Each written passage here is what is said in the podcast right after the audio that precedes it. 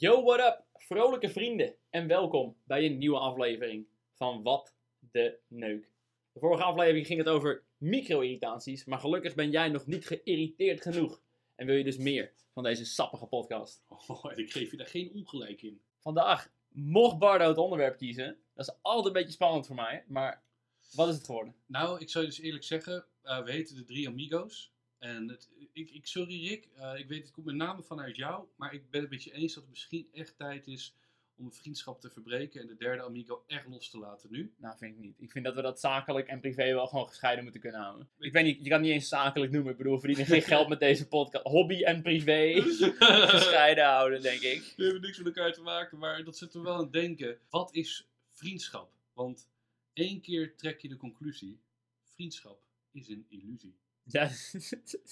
ja ik heb me net laten vertellen dat dit van een nummer is. Maar ik ken het nummer dus niet. Maar ken jij het goede doel? Ken je dat... Ik ken België van het goede doel. Ja, dit is zeg maar hun op één na grootste hit is... Uh, vriendschap is een illusie. Ik trek de conclusie, vriendschap is een illusie. Maar wij gaan vandaag kijken, is die conclusie terecht? Is vriendschap echt een illusie?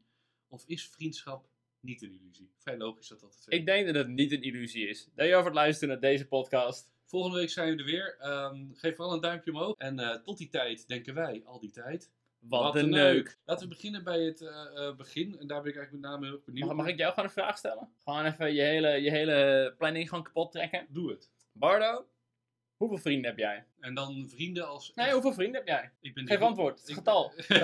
Hoe moeilijk is dit nou? Oh, fuck, Rick, je pakt nu ook echt een mes erbij. Rustig. hoeveel vrienden heb je? Leg het mes. Oké, okay, uh, ik wou zeggen zes, maar ik trek jou er nu vanaf. Okay. Ik kom neer op vijf. Nee, ik denk tussen de 5 en 10 max. Ik ben er misschien nog wel lager inzet, maar dat gaan we dus zo meteen een beetje bijkomen. Wat is vriendschap? Wanneer reken je iemand tot je vrienden? Ik heb wel een heleboel mensen waar ik wel gezellig mee kan doen. Mm. Mensen die weer een soort van kennissen zijn. Mensen die ik gewoon wel chill vind en ze nu en dan zie. Maar wanneer ben je nou echt, echt, echt vrienden? Vind ik heel tricky. Ik zit nu een beetje te tellen in mijn hoofd. Zes vrienden. Maar, oh, je zou me wel meetellen tot vrienden? Ja, ik, ik, ik vind jou wel nu, vooral de laatste tijd, nu we elkaar wat vaker zien. Mm -hmm vind ik je toch wel een beetje gegroeid in onze vriendschap. Wat, wat is voor jou het onderscheid daarin? Dat je het nou, ik denk tijdens, tijdens banjo tijd, als we elkaar zagen, was het, was het... Nu zijn we in principe ook weer bij elkaar voor de podcast. Maar mm. in de banjo tijden zag ik je denk ik toch ook iets meer als collega. Slash wel gewoon chille gast. Maar nu uh, mm. zijn we ook gewoon hier, gewoon lekker aan het chillen, lekker aan het kletsen. Maar zou je mij ook opbellen als er iets is gebeurd met, met je moeder, met je hond? Je dat niet zo snel, daar heb ik wel andere vrienden voor. Maar wat dus een beetje mijn persoonlijke, denk ik, soort definitie van vriendschap zou kunnen zijn, is stel mhm. ik zit opeens ergens vast en ik heb een plek nodig om te slapen. Dat ik denk, oh, deze gast die. Er zijn echt wel mensen aan de andere kant waar ik niet heel goed bevriend ben die ja zouden zeggen, omdat ze heel vriendelijk zijn. Ja. Maar ik denk dat bij een goede vriend, of in ieder geval iemand waar je echt wel bevriend mee bent, als je gewoon zegt, yo, kan ik even bij jou komen pitten op de grond? Dan zeg je ja, tuurlijk ik zet alles wat ik nu aan het doen ben, als het kan, aan de kant en uh, kom er hier langs. Uh, Om jou, jou, te helpen. Ja, vind ik een hele mooie. Want inderdaad, het zou wederzijds zijn hoor, daarin. Ik zou niet per se snel, als, als er iets is, uh, bij jou aankloppen. Maar ik weet wel dat als het zou kunnen, dan, zou, dan zou je er wel voor openstaan. Zeg maar. Als je auto ontspoord raakt in Deventer en je moet ergens heen, dan... Ja, dan zou ik wel gewoon, ik zou het niet willen, maar dan zou ik hier kunnen slapen. Bijvoorbeeld niet, maar het kan, maar liever niet, maar... Ja. Nee, kijk, het grappige is een beetje dat deze aflevering wou ik, trouwens voor de duidelijkheid, geheel wederzijds, ik zou ook mee rekenen met de vrienden. Uh, van mij natuurlijk. En uh, het grappige is, ik kan je niet zo duidelijk uitleggen waarom. Ik vind jouw maatstaf wel een hele mooie. En om deze aflevering te beginnen, uh, wou ik eigenlijk eerst een pagina doornemen van vraagzin.nl. Die hebben 41 vragen over vrienden. 41 vragen! Dus bereid je voor voor de lange podcast. En het leuke is, Rick die zei natuurlijk, ik ga goed in je eten gooien door de eerste vraag zo te stellen. En maar het mooie is, kijk wat de eerste vraag hier is. Hoeveel vrienden heb je? Boom. Dat is gewoon de eerste ik heb deze website gewoon gemaakt toen ik 12 was, jongens. Sowieso. Ik gemaakt. En uh, ik vind het hier wel mooi. Hoeveel vrienden had je vroeger? Is de tweede. Die vind ik, ik denk dat ik vroeger mijn vrienden iets, iets breder zou trekken. Want dan had ik denk wel gewoon een aantal klasgenootjes waar ik chill mee ben. Mm -hmm. Er zijn gewoon best wel wat, wat, wat vrienden uit mijn vriendengroep waar ik heel graag een biertje mee drink. Die ik ook gewoon leuk vind om te zien. Maar ik spreek ze nooit los. Ik ga ze nooit even een appje sturen. Ik kom niet langs als ik in de buurt ben. Dus dan is wel een beetje, dan is ik toch, hmm, zijn we dan echt vrienden? Ja, nee, Ik leg denk de lat voor vriendschap gewoon best wel hoog. Ik denk dat dat het vooral is. Zeker geen disrespect naar die mensen. Ik vind ze chill, ik vind ze leuk. Ik zou ook best met ze af willen spreken, maar ik heb mhm. gewoon het gevoel alsof het niet van beide kanten per se heel gewenst is. We hebben niet per se allebei behoefte om met elkaar te gaan zitten of zo. Nee, precies. Dus de, vraag hieronder was eigenlijk in hoeverre spreek je die vrienden nog, maar dat is gewoon nu eigenlijk nul. Nou ja, ik, ik heb toevallig uh, recentelijk nog met ze gesproken. Maar dat was dan meer omdat ik met meerdere vrienden van, van vroeger bij elkaar ging zitten, zeg maar. Ja, precies. Want in principe chill je dan in een soort cluster van ja. oude vrienden. Niet dan, dan, je chillt met een groepje waar die persoon dan in zit in plaats van met die persoon individueel. Precies, je chillt niet zo snel één op één met oude vrienden van vroeger.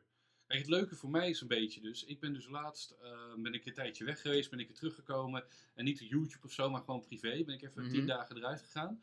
En toen ben ik gaan rondappen. En toen dacht ik bij mezelf, de mensen aan wie ik nu zou denken, dat zijn de belangrijke. En één maatstaaf die ik misschien zelf op vriendschap zou willen leggen is Ehm, dat er nul tijd tussen zou moeten zitten voordat je weer verder kan gaan. Dus bijvoorbeeld neem Thomas, uh. Ja. Ik weet het is niet cool om names te droppen, maar ik, die gozer is een wereldvent. Vroeger ging ik heel veel met hem om. En ik weet gewoon, ook al zou het nu over tien jaar zijn dat ik hem weer spreek, ik denk echt dat ik het met hem weer gewoon op kan pakken. Maar je zou hem dus niet nu als vriend rekenen, omdat jullie eigenlijk geen contact meer hebben?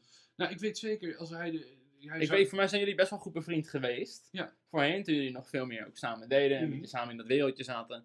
En ik kan me ook wel voorstellen dat als jij hem morgen tegenkomt, dat je zo urenlang met elkaar kan praten alsof er nooit iets gebeurd is. Alsof je elkaar vorige week nog gezien hebt. Eh, maar in principe momenteel uh, spreek je hem eigenlijk helemaal niet meer, toch? Dat vind ik een beetje dubbele eraan. Ja, ik, dat was nee, ik spreek hem helemaal niet meer. Maar of ik hem mee zou rekenen tot een vrienden vind ik een wat lastige. Want ja, het is gewoon een vriend. Ik weet zeker als ik in Delft zou zijn, of hij woont nu niet meer in Delft, maar als ik ergens gestrand zou zijn, kan ik hem bellen. En dan weet ik bijna zeker dat het wel goed zou komen, weet je wel, mhm. dat jij ook zei. Dus wat dat betreft zou ik hem wel weer meerekenen. Alleen ik spreek hem niet wekelijks, maandelijks, misschien niet eens jaarlijks. Ja. Want ik bedoel, het is jaarlijks wel verjaardagsappjes en zo, weet je, dat doen we wel.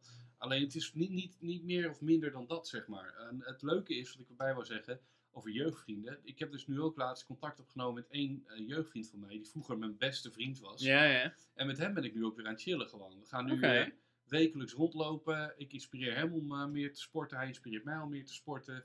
En we lopen dan samen twee uur per dag ongeveer. Vandaag dan even niet, maar... Ik merk wel dat ik dus een beetje op zoek ben naar, naar zo'n soort vriend of zo. Ik heb uh, één best wel echt goede vriend. Uh, die woont nu wat verder weg en we spreken elkaar wat minder. Maar dat voelt wel nog steeds gewoon echt een goede vriend. Mm ik heb mijn vriendin. Dat reken ik toch ook wel een beetje tot mijn vrienden. Mm ook iemand die ik heel veel spreek en met wie ik alles kan delen.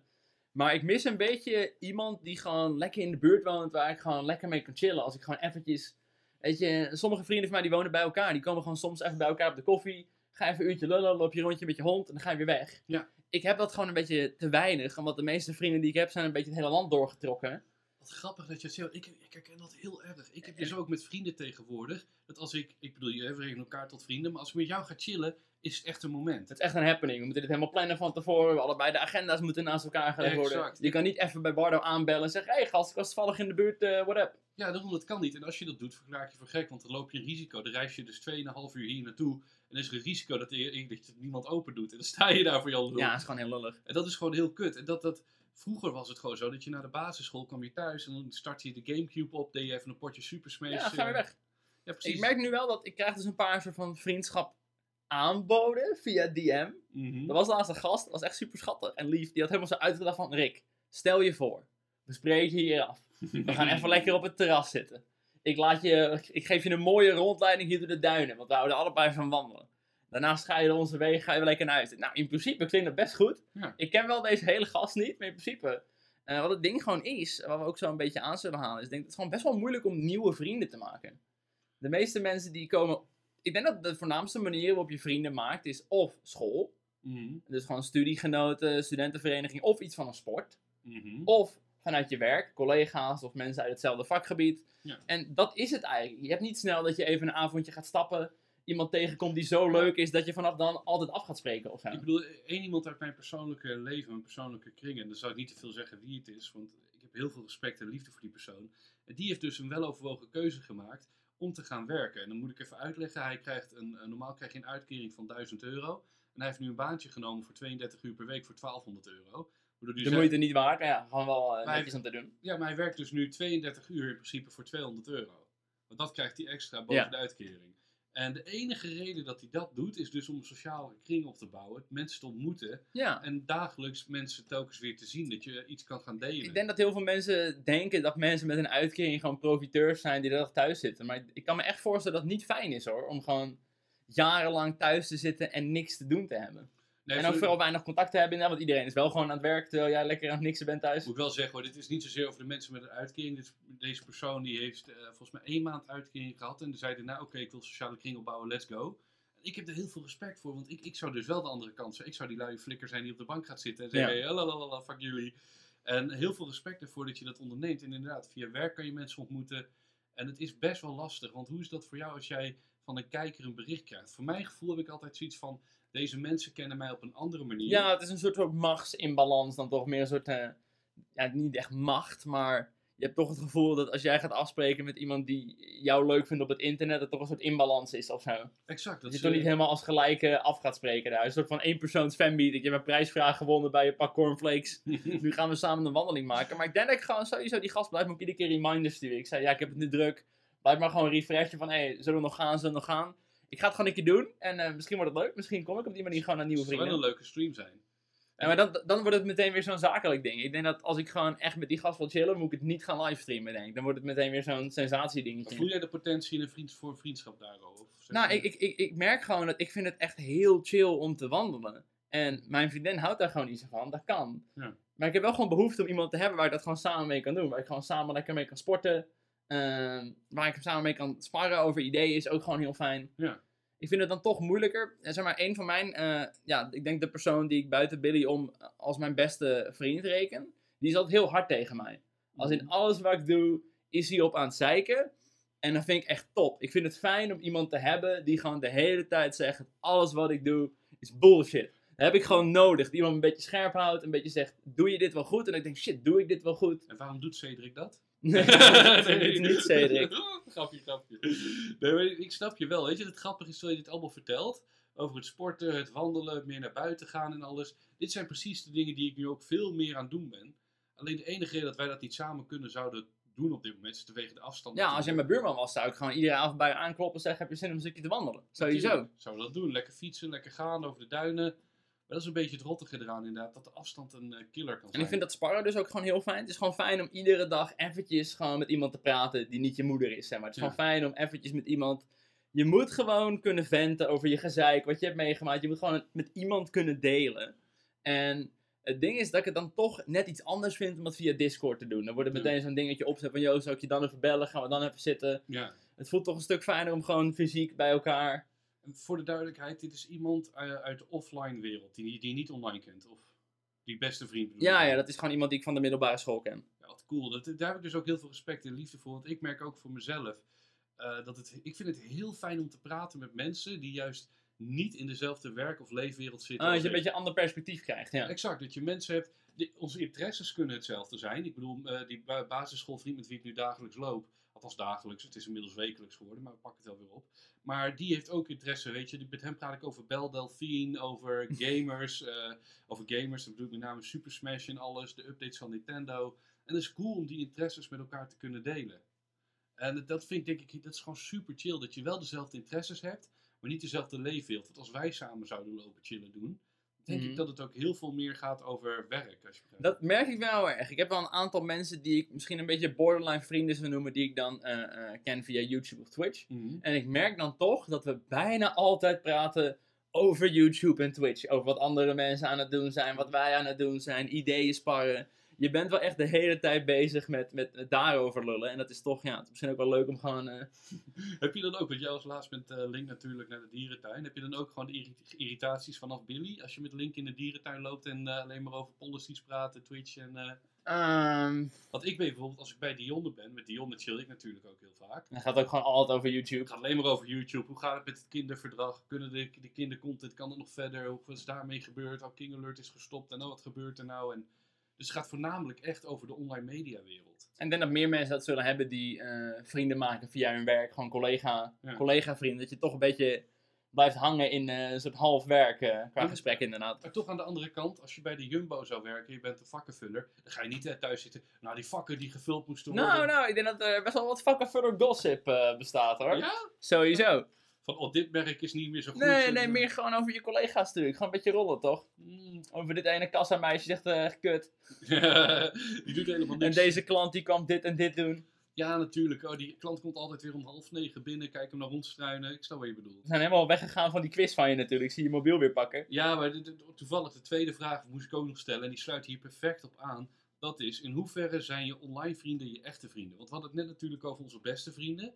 Althans beste vrienden die we offline kennen en online. Maar hoe, tot in hoeverre reken jij online mensen toe tot je vriendengroep? Ik, ik reken zeer zeker. Ja, ik denk dat het vooral vroeger was het een beetje anders voor mij toen ik wat jonger was. Want toen had ik ook wel wat online vrienden. Maar die belde ik eigenlijk alleen maar. Ik had echt gewoon een aantal mensen op het internet die ik gewoon in ieder geval minimaal wekelijks, soms zelfs vaak dagelijks belde via Skype. Mhm. Maar die heb ik gewoon nooit in het echt ontmoet. Dat zijn een beetje de echte, echte online vrienden.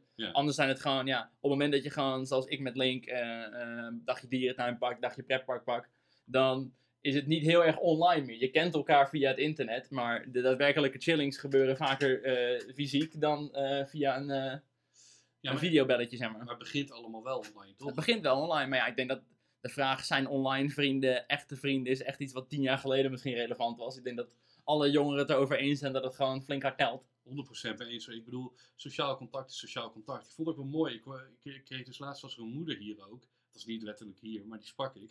En die was dus bloed geïrriteerd over het feit dat haar zoon alleen maar op Fortnite zat. Dus pakte ze die Fortnite van hem af, zette ze hem op straat. En dan staat hij in zijn eentje op straat niks te doen. En al zijn vrienden zitten Fortnite te spelen. Ja, dus kut dit.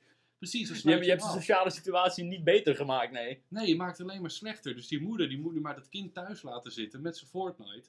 Terwijl ik denk dat bij mezelf, ik snap haar wel van ja, je hebt liever dan dat ze met z'n tienen in een kamertje, of met z'n tienen, met z'n drieën in een kamertje zitten Fortnite te spelen, dan apart afgezonderd, als je begrijpt wat ik bedoel. Ja, ja. ja, ik ben het wel met je eens, online vrienden zijn gewoon echte vrienden. Alleen moet ik wel zeggen, ik kan je nu wel, van alle online vrienden die ik heb, kan ik zo'n 80, 90 procent uitsluiten dat ik ze ooit in het echt ga ontmoeten. Echt? Heb je zoveel mensen, ja, die reken je dan niet tot die 5, 6 mensen die je eerder noemde, toch? Nee, nee, die reken je niet tot die 5, 6 mensen. Het is een beetje verwarrend dat we dus eigenlijk zeggen, ik heb 6 vrienden. En vervolgens wel een heleboel mensen benoemen van, ja, dat is een vriend, dat is een vriend, dat is een vriend, dat is een vriend. Ja, misschien is het ook handig, want uh, hoe sta jij erin? Welke degradaties, of gradaties, sorry, niet degradaties, welke gradaties in vriendschappen zijn er? Ja, voor mij is het ook gewoon een, uh, een, een, bekend iets van een psycholoog die een keer zoiets zei van je hebt zoveel goede vrienden, zoveel iets wat goede vrienden en zoveel kennissen ongeveer.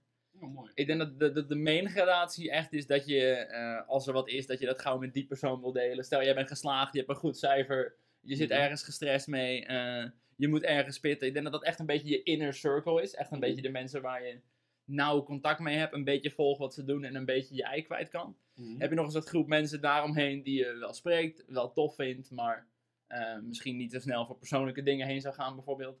En dat je daarbuiten nog een beetje die, die vrienden hebt waar je wel eens bier mee drinkt uh, als je met een vriendengroep bent. Mensen die je in principe wel mag, maar waar je niet heel close mee bent of zo. Ik moet wel zeggen dat ik die, die laatste vind ik dan zou ik nog één dingetje tussen willen doen.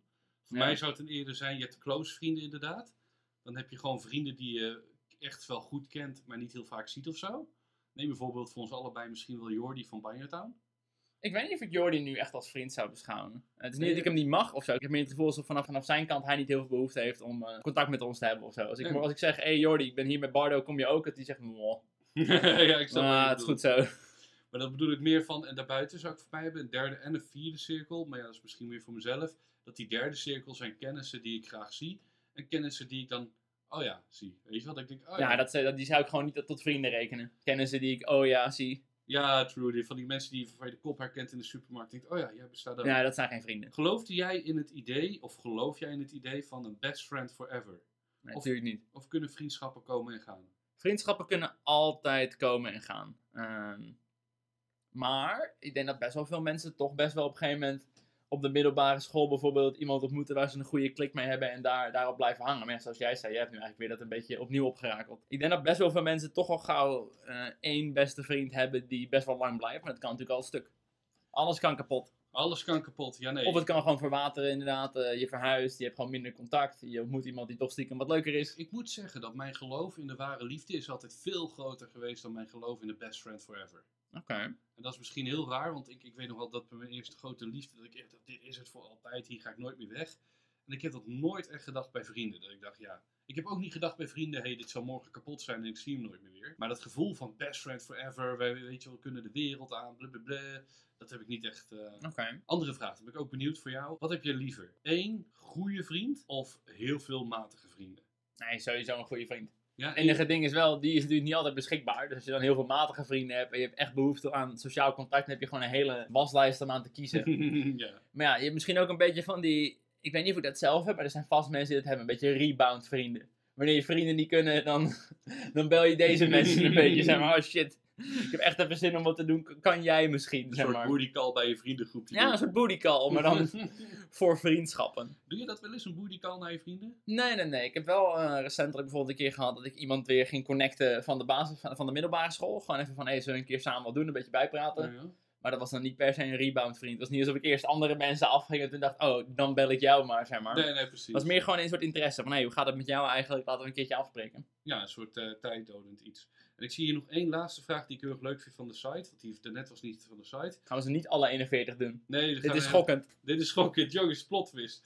Um, hoe zie jij het? Is vriendschap iets wat je op moet zoeken? Of is vriendschap iets wat je overkomt? Oeh, vind ik een hele interessante vraag. Ik denk dat alle vriendschappen die ik heb, heb ik nooit echt actief opgezocht. En ik merk ook de langs, dat, vooral de laatste tijd dat er wel een beetje wat nieuwe vriendschappen aankomen waar je, juist omdat ik online misschien wat opener ben om met mensen Mhm. Een beetje te connecten. Dus bij mij komt het in ieder geval altijd aanwaaien. Maar ik snap ook, het schijnt ook echt zo te zijn dat heel veel mensen in Nederland, waaronder ik zelf dus, helemaal niet zoveel vrienden hebben. Maar wel de behoefte hebben aan meer vrienden. Mhm. En ja, dan zijn er dus mensen die proberen op zoek te gaan daarna. Maar dat schijnt best moeilijk te zijn. Omdat je dus zo vast zit aan school, werk of hobby's. Dus je moet al gauw uh, vrijwilliger gaan worden of zo. Iets. Je moet vaak iets doen en dan hopen dat je daar vrienden tegenkomt. Dat willekeurig op straat mensen aanspreken wordt toch een beetje als iets raars gezien of zo. Ik ben wel benieuwd, want jij zegt ik zoek wel meer vrienden, maar de noodzaak is bij jou ook niet heel hoog, toch? Of, nou, ik zoek ze dus niet heel actief. Nee. Het is meer dat ik nu online uh, meer mensen leer kennen die ik wel aardig vind. Maar het is meer, uh, dit is niet eenzaamheid of dat je je erg alleen voelt? Of... Ja, aan de andere kant kom je ook een beetje aan bij natuurlijk de vraag, hoe kom je aan een vriendin? Dat is ook niet echt iets waar je vaak heel actief naar op zoek gaat. Nee. Het is niet je denkt, oké, ik ga nu eventjes vandaag alsof je gaat solliciteren, eventjes wat lijntjes opengooien en misschien hmm. komen er nog nieuwe relaties of vriendschappen uitgerold. Dat komt toch meestal een beetje natuurlijk. Ja, het is wel toch zo dat een vriendin krijgen, dat is een één op één relatie die best wel zeldzaam is. En een vriendschap opbouwen, dat kan je met honderden mensen doen. Dus dat is iets toegankelijker, iets makkelijker. Uh, nou, je moet elkaar wel chill vinden. Je wil niet iemand uh, bevrienden die jou wel net oké vindt. Je moet wel elkaar net wel net een beetje cool vinden of zo. Je moet net dat ene stukje extra hebben. Je moet wel eens nog een match hebben, net zoals met een relatie, zeg maar. Die vonk moet overslaan. Die, ja, uh, ja, toch wel, weet je. Als jij een date hebt met een meisje of een jongen en je denkt achteraf, ja, ik vind je wel oké niet dat ik zou zeggen, nou ga de rest van je leven samen chillen. En dat geldt denk ik ook voor vriendschappen. Als jij iemand ontmoet en je vindt die persoon wel oké. ja, of je moet echt heel erg behoefte hebben aan uh, iemand er tegenaan te lullen natuurlijk. Daar ben ik trouwens ook wel benieuwd naar. We hebben nu wel over dates en alles, maar... Uh, althans voor vrouwen er net even. Maar zou jij vrienden kunnen zijn met je ex? Zou denk ik wel kunnen. Want ik, ik ben bijvoorbeeld met geen één van mijn exen vrienden op dit moment. Nul. Nee, ik zou het geen vriendschap willen noemen, nee. Maar ik kan wel gewoon normaal met ze omgaan. Ja, oké. Het is niet dat je elkaar ontwijkt of ontloopt. Of, nou, ik had laatst toevallig, toen was ik uh, bij de McDonald's in Rotterdam. En ik verveelde me. Billy kwam geloof ik die kant op, maar die zat vast in de file. En mijn mhm. ex die was echt een paar meter verderop. Dus die kwam gewoon daarheen. Ging bij de McDonald's chillen.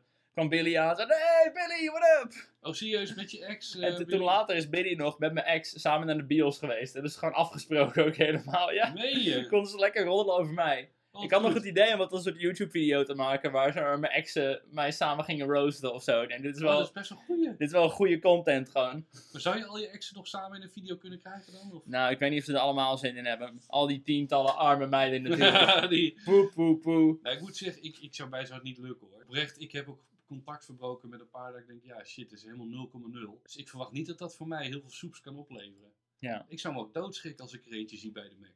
Als die ja? in één keer aankomt kloppen op mijn raampje, ja hoor. Oh nee, ik zou dat wel gewoon grappig vinden. Toch een beetje als een soort oude vriend van, hé, hoe gaat het met jou nu, zeg maar. Hm. Ben wel gewoon geïnteresseerd. Wat is het verschil voor jou dan tussen een, een, een, relatie en een vriendschap? Want vriendschap is een belangrijk onderdeel van de relatie. Ik denk dat een relatie uh, wel net iets meer geschiedenis heeft dan een vriendschap natuurlijk. Ik denk als een vriendschap eindigt is het meer subtiel. Dan ga je elkaar gewoon minder zien, minder spreken. En dan verwatert dat een beetje. Terwijl bij een relatie is wel een soort harde knip van, hé, hey, dag, het is uit. Ja. Dus ik denk dat het dan toch vaak iets pijnlijker eindigt. Ik denk dat je een vriendschap weer makkelijker op kan pakken. Het is gewoon, hé, hey, bent het. Ja, ik en bij een relatie kan je, wat jij misschien zegt, ik ben niet heel blij als ik mijn ex tegenkom, zeg maar. Ja, maar ik bedoel meer van alle, alle kernwaarden die je aan een vriendschap verbindt. Die lijken mij per definitie ook in een relatie te zitten. Toch? Ja, dat is waar. Dus dat je een klik hebt, je hebt onderwerpen die je samen kan delen. Vertrouwen. Dus daarom zit ik een beetje te denken van wat, wat is het onderscheid voor jou daarin? Voor, ik vind het lastig hoor. Ik, ik, vriendin hebben daarin, dat is dan toch ja, buiten de seksuele aantrekkingskracht. Zeg maar. Nee, ik heb dat ook wel een beetje hoor. Dat ik denk, ja, ik, ik hou ook van mijn vrienden. Behalve dat er dan geen, geen seksueel aspect aan zit. Mm ik trek dan ook weer niet zo'n harde lijn, denk ik, tussen, tussen een relatie en een vriendschap. Dat een, een relatie is een soort van vriendschap met ja, nog wat meer extra inzet voor elkaar, wat extra vertrouwen en, uh, ja. en een of andere seksueel sausje eroverheen. Maar behalve dat... Uh... ik snap wat je bedoelt. heb je wel eens toxic vrienden gehad in je leven? Dat je dacht, tering, wat gebeurt mij nou? Deze gozer of deze meid of... Nee, ik, ik, kan me niet echt heel erg veel, veel negatieve vriendschappen herinneren eigenlijk. Nee? Jij wel? Ik heb wel eens mensen gehad die me dan opfokken, opjagen, opjutten. Maar... Een soort groepsdrukachtig idee, zeg maar. Ja, maar ik moet wel zeggen, dat is niet voordat de vriendschap is ontstaan, gebeurt dat dan. Dus dan kan je het oh. nog mooi afkappen, weet je wel. Ik heb niet goede vrienden in mijn leven gehad die me dusdanig naaien, opjagen of wat. Ja, het is wel een beetje die uitspraak toch? Van ja, als je vrienden dit en dit en dat doen, dan zijn het je vrienden niet, weet je wel. Je hebt wel van die mensen die en tegelijkertijd in de vriendengroep zitten en een beetje buitengesloten worden van die vriendengroep. Een beetje dat idee. Ja, ik snap wat je bedoelt. Ja. Worden toch zo, dan zijn het je vrienden niet echt een uh, ideetje. Nee, de vrienden, ja, de 100%. En dat is een beetje, eh, wat zou je, wat zou je wel kunnen herkennen? Of wat nou als je ziet een vriend van jou dat hij een toxic vriend heeft? Zou je dat kunnen zeggen, durven zeggen tegen je? Ik denk dat ik dat sowieso best moeilijk kan spotten als we niet met z'n allen bij elkaar zijn en het heel duidelijk wordt. Ik denk dat ik niet heel veel weet ook over soort toxic uh, vriendschappen. Nee, want stel ik zou met jou meegaan een keer naar Schagen en ik zie drie andere vrienden en ik zou zien dat jij de hele tijd gekleineerd wordt of zo. Ik zou het toch wel naar vinden om dan vervolgens tegen jou te zeggen van ja Rick, Sorry, maar uh, Harry die daar zit, Harry is een beetje lullig over jou achter je rug. Ik zou dat toch niet fijn vinden om te doen. Zou jij het wel kunnen? Als jij wel, uh, als je ziet bij mij dat Harry lullig over mij praat, zou je dan zeggen, Bardo, kijk even. Ja, ik denk dat het heel erg afhangt van de situatie. Of blijkbaar vind jij Barry gewoon een topgozer, dus als jij er geen last van hebt, dan... Uh... ja. Wat, hoe sta jij in de bro-code?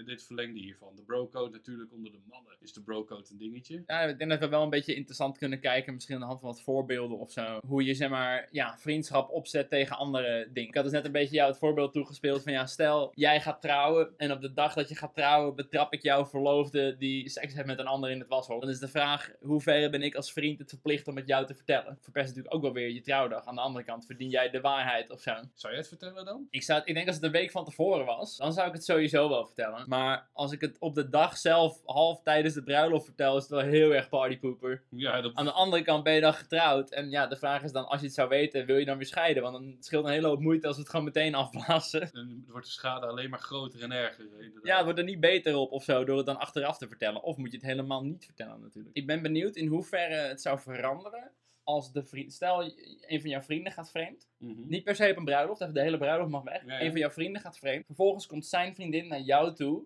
en die zegt, hey, um, even over die vriend, ik ben bang dat hij vreemd gaat, weet jij hier meer over? Dan ben je dus niet iets aan het verzwijgen, maar actief aan het liegen natuurlijk, als jij nee zegt. maar je naait hem wel gigantisch erbij. bij. Ja, maar Bardo zei dat jij gewoon... Uh... Ik weet dus, een van mijn vrienden is ooit vreemd gegaan bij zijn vriendin. Je durft daar gewoon niet onder ogen te zien. Ik vind het zo naar, als je dan zo'n meisje naast een vriend van je op bed ziet zitten, die hele... Oh, maar je ziet wel... Ja, je weet niet wat er allemaal gebeurt. En kijk, als hun een open relatie hebben, Allah, geniet ervan, spring overal op. Als zij mij op de man af ook nog zou vragen, ik zou dichtklappen, weet je. Dat ze in één keer bij je aanbelt? Nee, ik zou, ik zou het gewoon zeggen dan. Dan houdt, uh, houdt die vriendschap gewoon op, gast, dat je mij niet vreemd moet gaan. ik, ik zou het eerder ontlopen. Ik zou echt zeggen, nee, kom maar niet in mijn buurt, blijf alsjeblieft. Maar ik denk, als ik vreemd zou gaan, en mijn vriendin zou dat aan jou vragen en jij zegt dat klopt, ja? Dan zou ik denk niet eens zo boos zijn op jou. Nee? Dan zou ik eerder heel pissig zijn dat het naar buiten is gekomen en de schade die dat op mijn relatie zou doen. Maar ik zou niet per se denken, godverdomme, het is allemaal de schuld van Bardo als hij zijn bek maar had gaan Mijn eerste impuls zou toch wel zijn die tering. Ja, ik denk wel, dat zou wel mijn eerste impuls zijn, maar ik zou niet voor altijd boos op jou blijven. Nee. Ik vind niet dat... dat is het. Dat, is, het. is zeker zo. Precies dat. De meest bescheiden podcast, wat een deun. nee, maar ik, ik, ik, ik weet niet, ik vind het heel lastig. Zou jij niet je de tering schikken als in één keer... Uh... Oh, sowieso. Sowieso sowieso. Ik zou het echt niet weten. Ik zou het zo kut vinden als ik naar jou toe moet lopen, überhaupt met dat soort nieuws. Dat, uh... bijvoorbeeld een ander voorbeeldje. Stel, jij komt erachter dat ik heel stiekem een kookverslaving heb. Ja. En je merkt dat ik daar langzamerhand wel een beetje onderdoor ga. En je hebt mhm. mij daar al geprobeerd op aan te spreken, maar je merkt gewoon, Rick, die, die moet er niet zoveel van hebben. Die snuift lekker door en die zegt, ah joh, kom wel goed, kom wel goed. Of vanaf welk punt heb je dan zoiets van, oh, ik moet Rick zijn moeder hierover vertellen, of zijn vriendin. Ja, dat is, dat, is goed, want dit sluit Moet een soort intervention voor hem regelen. Dit, dit, sluit aan bij die toxic vriendschap eigenlijk. Ik zou het wel zeggen, want als je hiermee doorgaat, wordt het een toxic vriendschap, ook voor mij natuurlijk. Dan is het niet fijn om met je om te gaan als jij alleen maar loopt te snuiven, helemaal stijf staat. Ja, op een gegeven moment moet je gewoon een grens trekken en zeggen, hé hey, gast, even als vriend op vriend, uh, uh, ik maak me zorgen om je. Exact, want anders is het heel lullig als ik jou verder laat ontsporen. En dan moet ik je op een gegeven moment laten gaan, omdat het niet goed is voor mezelf. Nu heb ik nog de kans om het in te grijpen. Voorkomen is beter dan genezen, om onze vriendschap ook te helpen. Ja. Zodat jij maar misschien word ik dan heel boos op jou. Ik zei, Bardo, ik zei dat ik alles onder controle heb. Hoezo heb je mijn moeder erbij gehaald? Niet cool dit. Dat je ook dat RTL-programma erbij hebt die er binnen loopt. Uh, oh nee. Je had zo'n verslavingsprogramma inderdaad. Was niet gewoon verslaafd? Wat zou jij doen? Zou jij het wel kunnen vertellen? Ik denk dat het niet zo eh, makkelijk ligt als gewoon dit voorbeeld. Ik denk dat het heel erg. Heel specifiek wordt. Hoe, hoe, de hele situatie echt op de puntjes. Nou, maar ik denk wel waar we nu een beetje bij zijn. Dat is wel de essentie van een goede vriendschap. Ik denk dat je in een goede vriendschap elkaar wel moet aan moet kunnen spreken op het negatieve wat er gebeurt. Ja. Dus dat we zeggen, yo Rick, ik vind het kut. Maar ik denk ook dat je het positieve echt met elkaar moet delen. Ik onderbreek je weer een klein beetje hiermee, maar ik sta nog te denken over de definitie van een vriendschap. Ja, ja. Ik merk dat ik zelf soms best wel jaloers kan zijn op wat andere mensen allemaal doen in hun leven. Mm En denk van, oh, dit gaat heel lekker voor je. Dat ik dan toch stiekem een beetje denk van, ah shit, had ik dat maar of zo. en ik denk dat ik bij echt, echt vrienden, dat ik dat dan niet heb. Dat ik echt gewoon 100% alles wat je gebeurt, gun ik je. Als jij morgen de loterij wint en je geeft me 0 euro, dan gun ik je dat gewoon. ja, ik snap wel wat je bedoelt. Maar dat zijn ver, verdere vrienden bedoel je, die bij, bij wie je jaloers bent. Nou, dus niet zozeer bij vrienden. Maar ik denk dat het totale gebrek aan jaloezie wel ook een soort voor mij, een soort vriendschap ding zou kunnen zijn. Ja, een soort uh, checkpoint dat je ook... Nou, dat je gewoon ze echt alles gunt. Wat er ook gebeurt, hoe mooi het ook is, je gunt ze het gaan. Ja, zou jij, dus bij vijf mensen op aarde zou je echt nul jaloezie voelen? Nou, ik denk dat er wel meer mensen zijn. Maar... Nee, dat, ik snap wat je bedoelt erin hoor. En dat is een mooie maatstaf, goede maatstaf. En ik denk wat ik om het punt van de net ook af te maken hoor. Want uh, ik denk dat je ook een positieve erin moet delen. En dat sluit aan bij wat jij een beetje ook zegt. Dat als iemand iets moois beleeft, dat je dan niet uh, direct het punt gaat verdraaien naar iets negatiefs, maar juist meegaat erin en juist iemand aanmoedigt voor wat goed. He, dat als iemand verliefd is en die vertelt dat aan je, dat je het aanmoedigt of desnoods een beetje kritisch meeneemt. Ja, ik ben ook wel fan van gewoon meer uh, je vrienden gewoon aanspreken op dingen die ze goed doen. Toevallig, ik was dan laatst bij de verjaardag van, van een vriend van mij die ik eigenlijk echt al jaren amper spreek. Hij was jarig en hij was in Utrecht en ik had, was nog nooit bij hem thuis geweest. Die dacht, kom even langs. Mm En toen zei hij ook gewoon tegen mij, ik ging even, ik ging even een rondje maken in mijn auto, want uh, dat had hij ook nog niet gezien, dat even flexen. Zei hij ook gewoon van, ik gun je dit echt heel erg. Je hebt er hard voor gewerkt, verdiend. En dat ik echt van, oh man, dat is echt aardig van je. Ja, dat is lief. Vond ik gewoon fijn. En hij zei van mij dat hij ook iets geluisterd over die podcast. Zei, ja, leuke podcast, lekker bezig. Serieus, ja? Je weet wie je bent ja, als je het nog luistert. Oh, wat goed man. Maar dat is ook mooi. Dat is ook het fijne aan, denk ik, aan vriendschap op die manier. Dat die kleine woorden die dan gezegd worden, die kunnen grote betekenis hebben. En dat is denk ik heerlijk. Maar ik denk dat vooral ook bij mannen en waarschijnlijk ook bij vrouwen, dat juist ook heel vaak in vriendengroepen je juist heel negatief tegen elkaar bent. Juist een beetje gemene grapjes aan het maken bent, tegen elkaar aan het trappen bent. Dat hoort daar ook wel weer een beetje bij. Ja. Maar het is ook wel fijn als er ook wel een beetje ruimte is voor een beetje wederzijds... Uh... Want hoe, hoe jij met bijvoorbeeld humor en vrienden? Hoe ver mag je gaan met de humor? Nou, dat hangt natuurlijk gewoon heel erg van. De, dat moet je denk ik gewoon een beetje per vriend peilen. Sommige vrienden die kunnen uh, heel vergaande grappen hebben en andere totaal niet. Een van die vrienden van mij die is bijvoorbeeld Joods. En ik weet nog wel dat we op de middelbare school heel, heel vergaande grappen daarover gemaakt oh. hebben.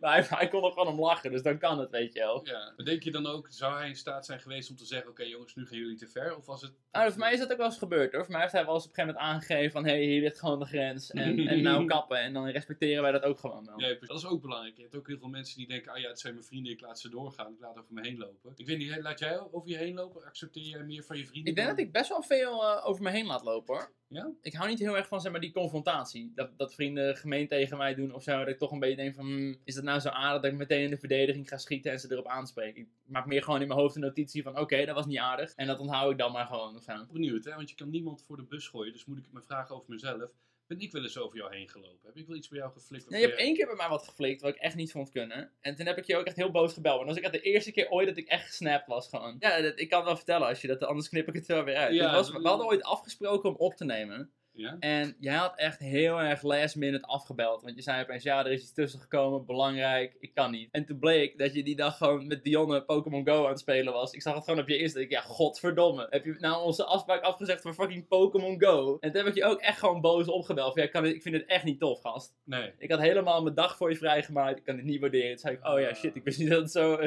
dat, je, dat het zo diep lag, zeg maar. Toen heb je ook je excuses aangeboden. Dus toen waren we allemaal weer uh, ja, Gucci. Het punt was, ik weet nog welke je bedoeld hoor. Dat was heel, heel dubbel. De fout ligt 100% bij mij erin. Ik weet echt welke dag je bedoelt. Het was 2016 inderdaad. Dionne kwam naar Deventer. En ik had met haar een belangrijke afspraak in de avond. Dat is 100% waar. Alleen overdag kwam zij dus aan. En ik, ik was gewoon jou helemaal vergeten daarin.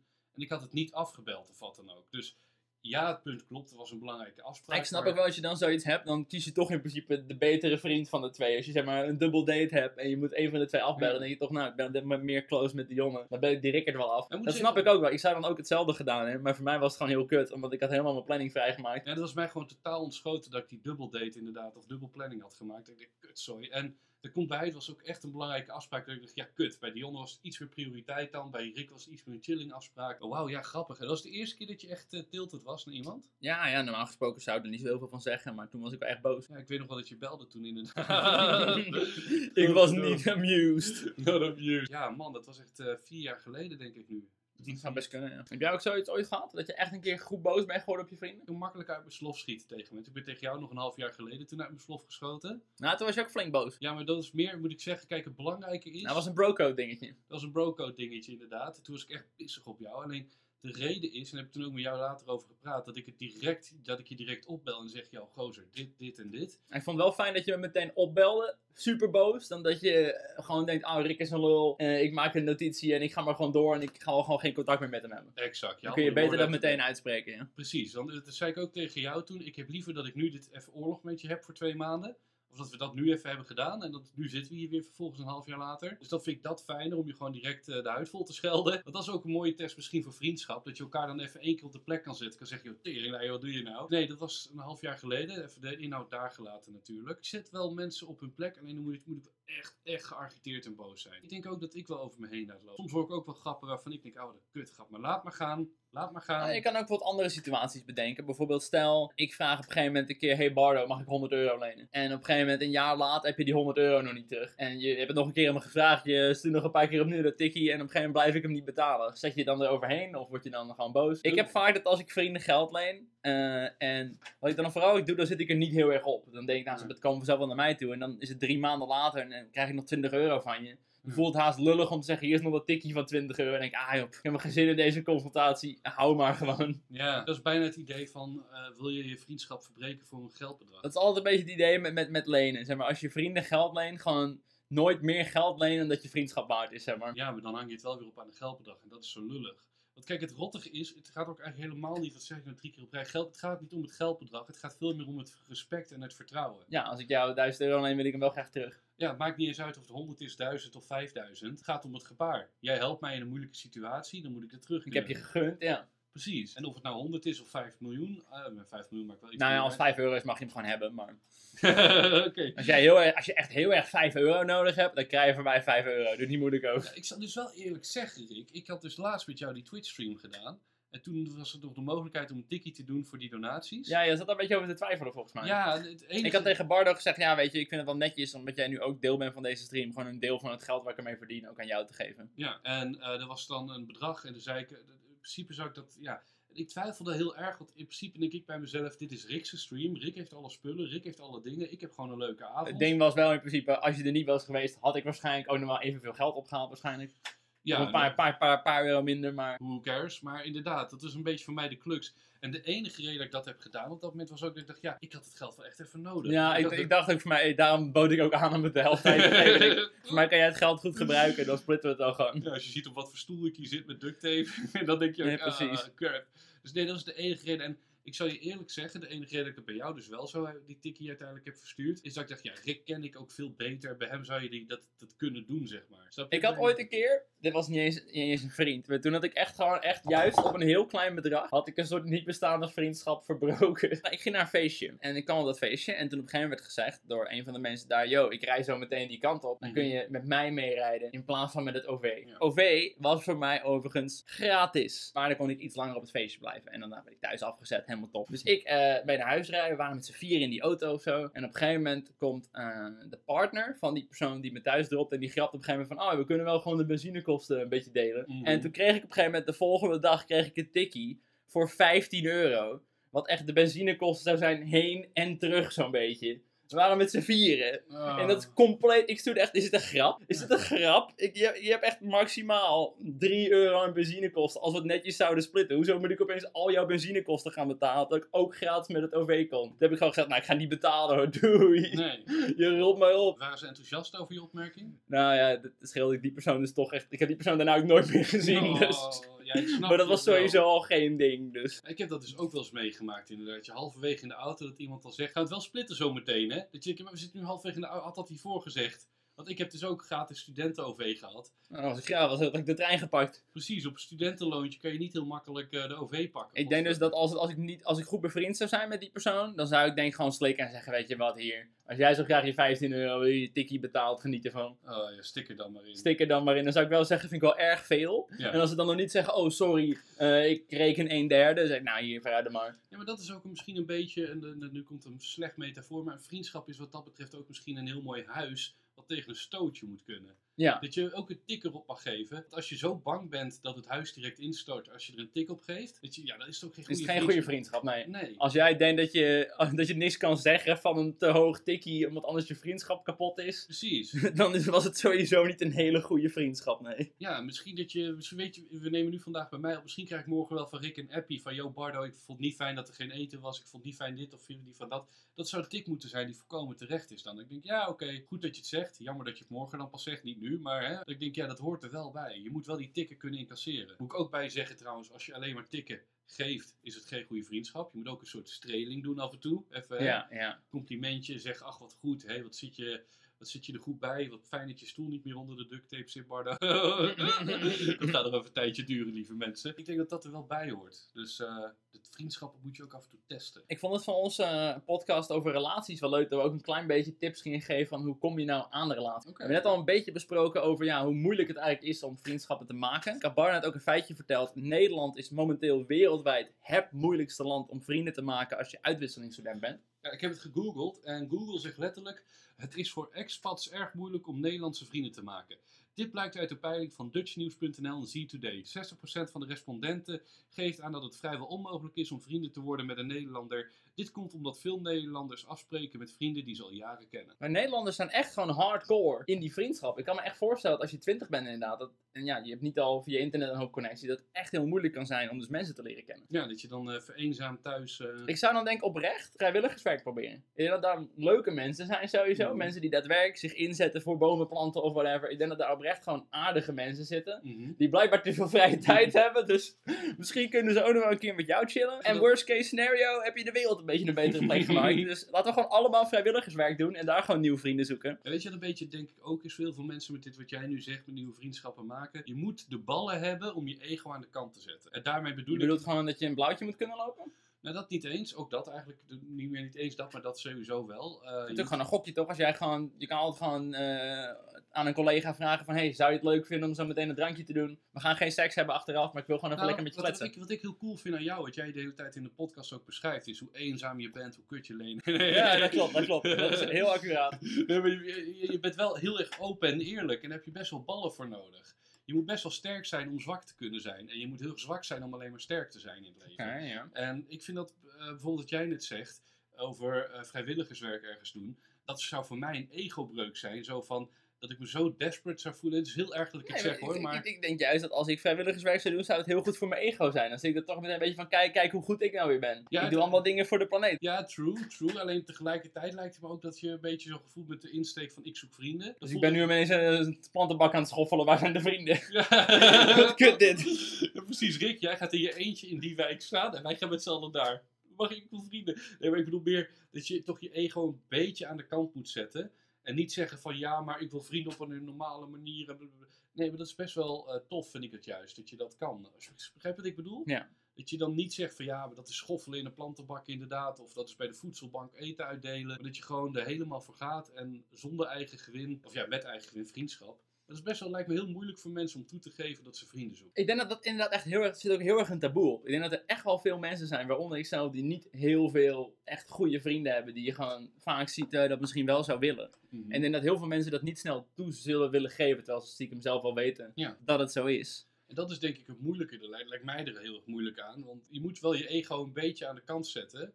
Als je daar overheen weet te zetten, gewoon toe durft te geven van oké, ik heb te weinig sociaal contact, ik heb niet die kernvrienden, ik heb dit niet. Er was dus laatst iets op Twitter, geloof ik, een soort hashtag van hashtag eenzame jongeren of zo. Maar een soort, eigenlijk een soort marktplaats-ad. Ik ben zoveel jaar oud, dit zijn mijn hobby's. En dan kon je gewoon andere mensen vinden die actief vrienden zoeken. En dan kun je gewoon zo hoppakee erop duiken. Wat cool. Ik zit al een tijdje met het idee, de app bestaat al ondertussen al, maar gewoon vrienden. Gewoon Tinder voor vrienden. Niks seksueels, gewoon fotootje swipen, biootje met wat je hobby's zijn, hoppakee, hoppakee. Je gaat gewoon een keer samen wat leuks doen en hopen dat je niet vermoord wordt, ja toch? Bestaat die naam ook al? Of, uh... Nee, dit, ik weet niet of je überhaupt vrienden kan hebben vanwege copyright redenen, maar er moeten haast wel apps bestaan die er zijn om vrienden te maken. Maar ik denk toch dat gauw mensen al bang zijn dat dan een of andere gast die je telefoon steelt, je organen eruit haalt, of toch stiekem, als je als vrouw met een jongen afspreekt, dat hij toch stiekem wel gewoon een relatie met je wil. Terwijl jij wil gewoon wat meer vrienden, ja toch? Moet ook gewoon kunnen. Dan heb je zo'n klojo erbij, ja. Dat ziet me helemaal voor ja. Oh, ik vind ik wel interessant die ik even in wil gooien. Oh ja?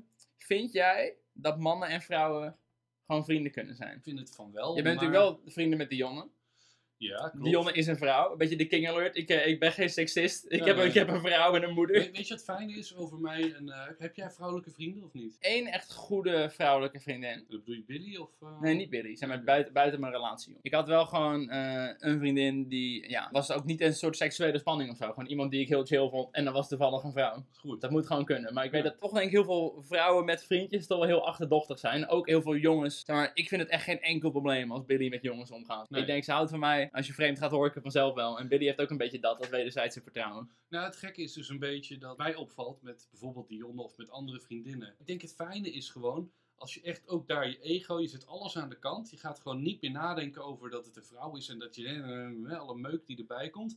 Maar dan kan je elkaar heel erg aanvullen. Dan kan je gaan kijken, kan je tips geven, dan kan je echt open praten, dan kan je grappige inzichten krijgen van elkaar uit andere leefwerelden. Ja, ik denk waar het stigma vandaan komt, is het ook dat het ook wel gewoon wel heel vaak fout gaat. Ja. Toch wel heel vaak dat een jongen een vriendin heeft en nog gewoon een, een vrouwenvriendin. En dat hij toch wel opeens zo eventjes van vriendin wisselt, zeg maar. Dat is zeer zeker niet ongewoon en het gebeurt zeer zeker vaak. Dus ik kan wel begrijpen dat mensen toch achterdochtig zijn. Moet ik eh. wel bij zeggen, ik beticht jongens daar het meeste van. Ik heb het meest het gevoel... Jongens zijn gewoon geile rakkers die erop kunnen duiken en denken zo, let's fucking go. Precies, die zeggen, oké, we doen even twee jaar vriendschap en daarna ga ik erop proberen te duiken, anders hou ik op. Doei.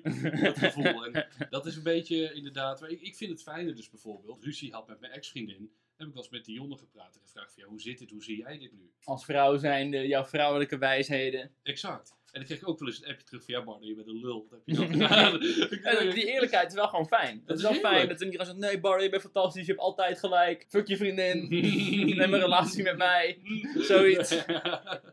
nee, dat is het fijne. Dat is gewoon ook het chillen met iemand als Dionne. Dat, dat als je elkaar op die manier kan aanvullen dan. Hè, uh, dat is gewoon fucking heerlijk. Heb jij dat ook met jouw vrouwelijke vriendin? Is die... Nou, die, die spreek ik momenteel niet zoveel meer. Dat is een heel ander verhaal waar ik ook niet te diep op in kan gaan. Maar die zit momenteel vooral heel erg met een depressie. Dat is, dat is voor mij ook heel moeilijk. Ik wil heel graag afspreken, maar iedere keer als ik dat doe, zegt ze eigenlijk van ja, ik zit heel erg met mezelf in de knoop. En ik weet dat heel veel mensen die depressief zijn ook heel erg mensen van zich af gaan duwen eigenlijk. Die gaan eigenlijk zoveel mogelijk afspraken afzeggen om uh, in je bed thuis te liggen. Sorry als je ook met depressie zit en je het totaal niet in herkent, maar ik geloof dat dit voor veel mensen wel een bekend iets is, toch? Dat je met een depressie eigenlijk zo min mogelijk contact hebt. Want je hebt gewoon geen zin in. Het is vermoeiend. Normaal gesproken met vrienden wordt het een fijne dag te zijn, maar het is gewoon vermoeiend om blij te doen en gezellig mee te doen. Het is wel mooi, want hoe, wat, wat doe jij dan? Wat doe jij als vriend zijnde als je ziet dat een vriend of vriendin van jou het moeilijk heeft? Wat doe ja, ik heb, ik heb echt meerdere keren aangeboden te helpen. Ik heb er ook aangegeven van ja, als je me nodig hebt, je kan me altijd bereiken. En ja, nu wil ik vooral gewoon even checken of het goed met haar gaat. Dus eens in de zoveel tijd stuur ik een kaartje waar ik dan soms een reactie op krijg, soms niet. Ik heb een paar keer gewoon even aangebeld om te kijken of ze er überhaupt nog woont. Echt waar, ja? Ja, ja. Het is echt, ik maak me wel heel zorgen om haar.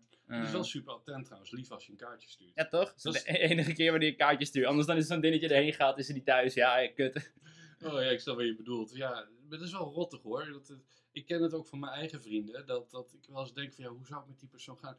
En ik, ik, ik verstijf heel erg. Maar ik vind het cool dat jij wel erheen gaat met gepaste afstand, zeg maar. Ja. Dat je wel actie Maar ik wil mezelf niet opdwingen natuurlijk. Nee, je wilt zo'n persoon niet de kast Maar ik wil wel laten weten dat ik niet... Uh, ik denk wat je ook heel erg hebt, uh, als je met een depressie zit en heel veel vrienden wegduwt, dat je op een gegeven moment bang bent om weer uh, contact op te nemen. Ja. Stel als jij me heel vaak appt en ik reageer nooit, niet opeens dat ik na een half jaar denk, oh ik ga even leuk op Bardo reageren. Dat je juist niet te laat voor eigenlijk. Ik denk dat hij dat niet zal waarderen. Nee, dus ik probeer toch iedere keer weer een beetje te laten weten van, hé, hey, het is oké, okay, we kunnen gewoon nu weer afspreken, boeit mij niks dat je de afgelopen tijd geen contact hebt gehad, zeg maar. Nee, maar dat is juist goed, denk ik ook. En het is, het is heel lastig voor mensen, denk ik ook hoor. Ik, ik heb zelf geen depressie gehad, dus ik vind het heel lastig om in te schatten hoe ik dan om moet gaan met iemand die een depressie heeft. Ja, ja. Maar als de vriend of vriendin is uh, die graag verder Nou, toen ik erachter kwam was ik ook echt heel gechoqueerd. Zij vertelde dat opeens aan mij.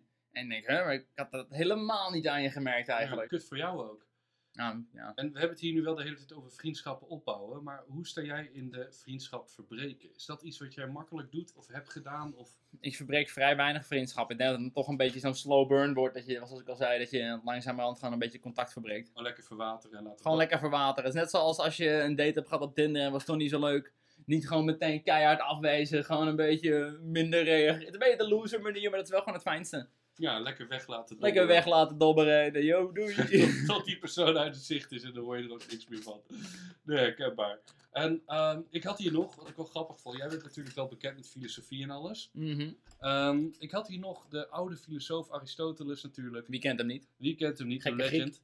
Die heeft uh, de drie soorten van vriendschap ooit opgegeven, opgeschreven. En um, de, ben je daar bekend mee eigenlijk of helemaal De drie soorten, nee. Vertel, vertel, vertel. Hij zegt, de eerste is die van het genot of het plezier. Kun je dat toelichten? Ja, die van het genot of het plezier. Dus dat betekent... Je drinking buddies of zo. Drinking buddies, uh, lekker, lekker drugs buddies. Uh, Oeh, die heb, heb, ik heel veel van. Sportmaatjes, wandelmaatjes. Uh, Oké, ja. De leuke dingen, vrienden. Exact. Die van het nut. Als het goed met je gaat, dan ja. Exact. En dan heb je de tweede, dat is die van het nut. Oké. En die van het nut, die hebben dus een praktisch ja, die verbeteren jou als persoon of zo. Die hebben echt een toevoeging aan je leven. Exact, die voegen iets toe aan je leven. En dus... Kan ik de laatste gokken? Ja? Ik denk dat de laatste is die van het verdriet of zo. Voor echt een beetje de emotional support. Nou, je zit wel in de buurt. De liefde, Ah, de broederschap. De omwille van het goede. De liefde valt natuurlijk een beetje onder genot of plezier. Maar die omwille van het goede. Dat is de derde categorie. Oh, dat zijn dus eigenlijk de vrienden die, als het niet goed met je gaat, tegen je opnemen en je op je bullshit wijzen, zeg maar. Uh, eigenlijk wel, ja. Die, die echt voor je instaan om het goede te doen. Dus nogmaals even resumerend. Wat ik, ben ik wel benieuwd hoe jij daar tegenover zou staan. Of dit klopt of niet.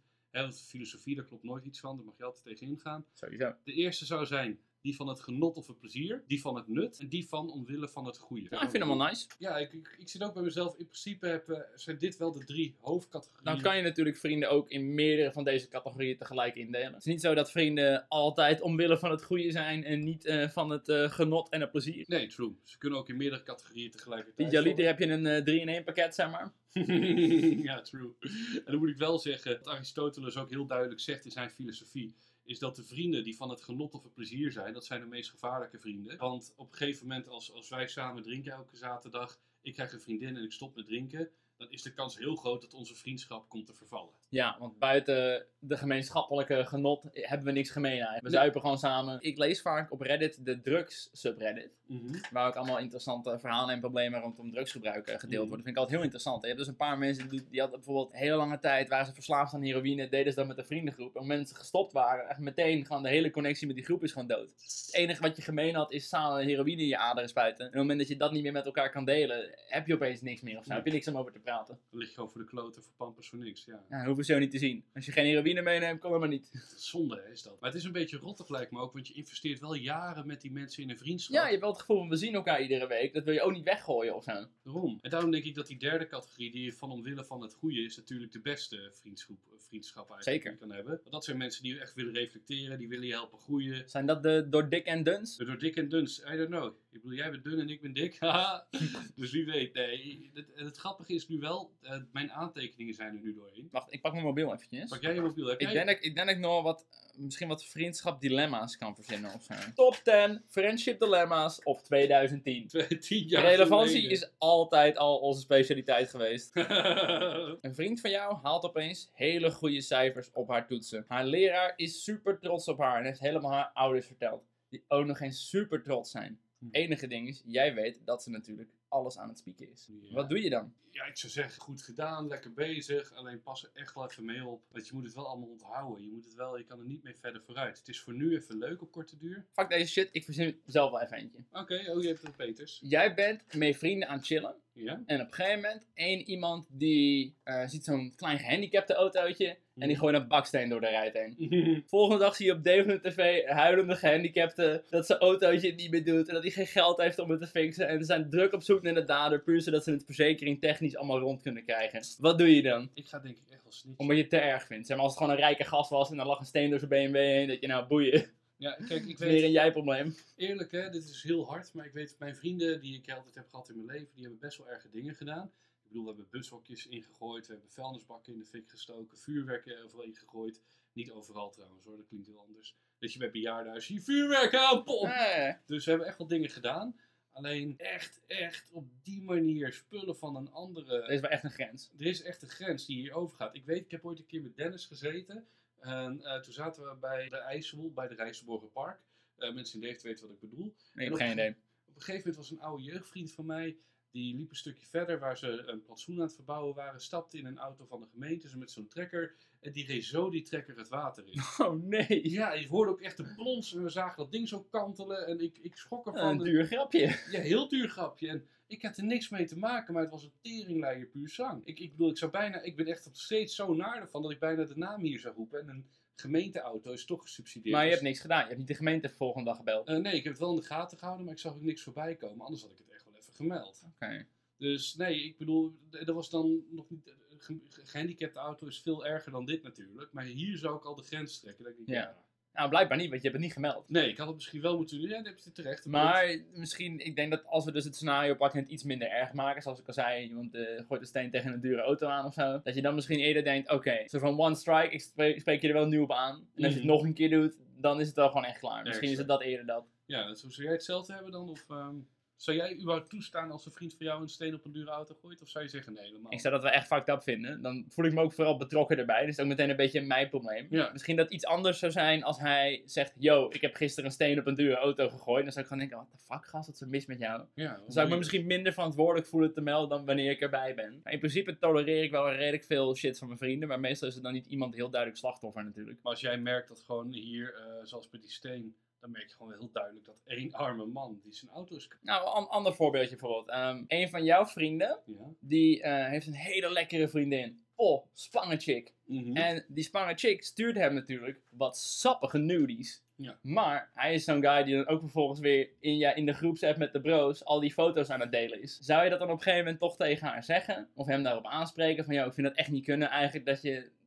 zonder toestemming van je vriendin deze foto's aan het delen bent. Ik heb het één keer meegemaakt dat een vriend van mij eh, de naaktfoto's van zijn ex liet zien, zeg maar. Dus hij was lacherig van, dat kan je echt niet doen man, moet je echt niet doen. En daarna is het ook nooit meer weer gebeurd. Zo heb ik het toen opgelost. Ja. Bij de tweede keer, Ja, je kan ook niet heel veel meer terugdraaien. Je kan alleen maar, ja, de vraag is ook, op het moment dat je, het was al zijn ex, dus Mhm. Eh, op het moment dat je het haar vertelt, wat kan zij doen op dat moment? nou het is wel, gaat er wel om, hoe ga je om met de privé van iemand die dierbaar is geweest in zijn of haar leven. Ja, nee, het is wel gewoon heel kut. Als je al uit elkaar bent en dan zo gaat doen, dat laat je ook wel gewoon echt zien dat, je, dat die ex een goede keuze heeft gemaakt, denk ik, om uit elkaar te gaan. Dat sowieso. 100%. Je laat wel zien dat je geen relatiemateriaal bent als je dat soort eh, grapjes uithaalt. Nee, want wat zou jij doen ermee als, eh, als ik nu hier zou zitten met een telefoon? Oh, kijk Rick. Ik zou het sowieso heel raar vinden.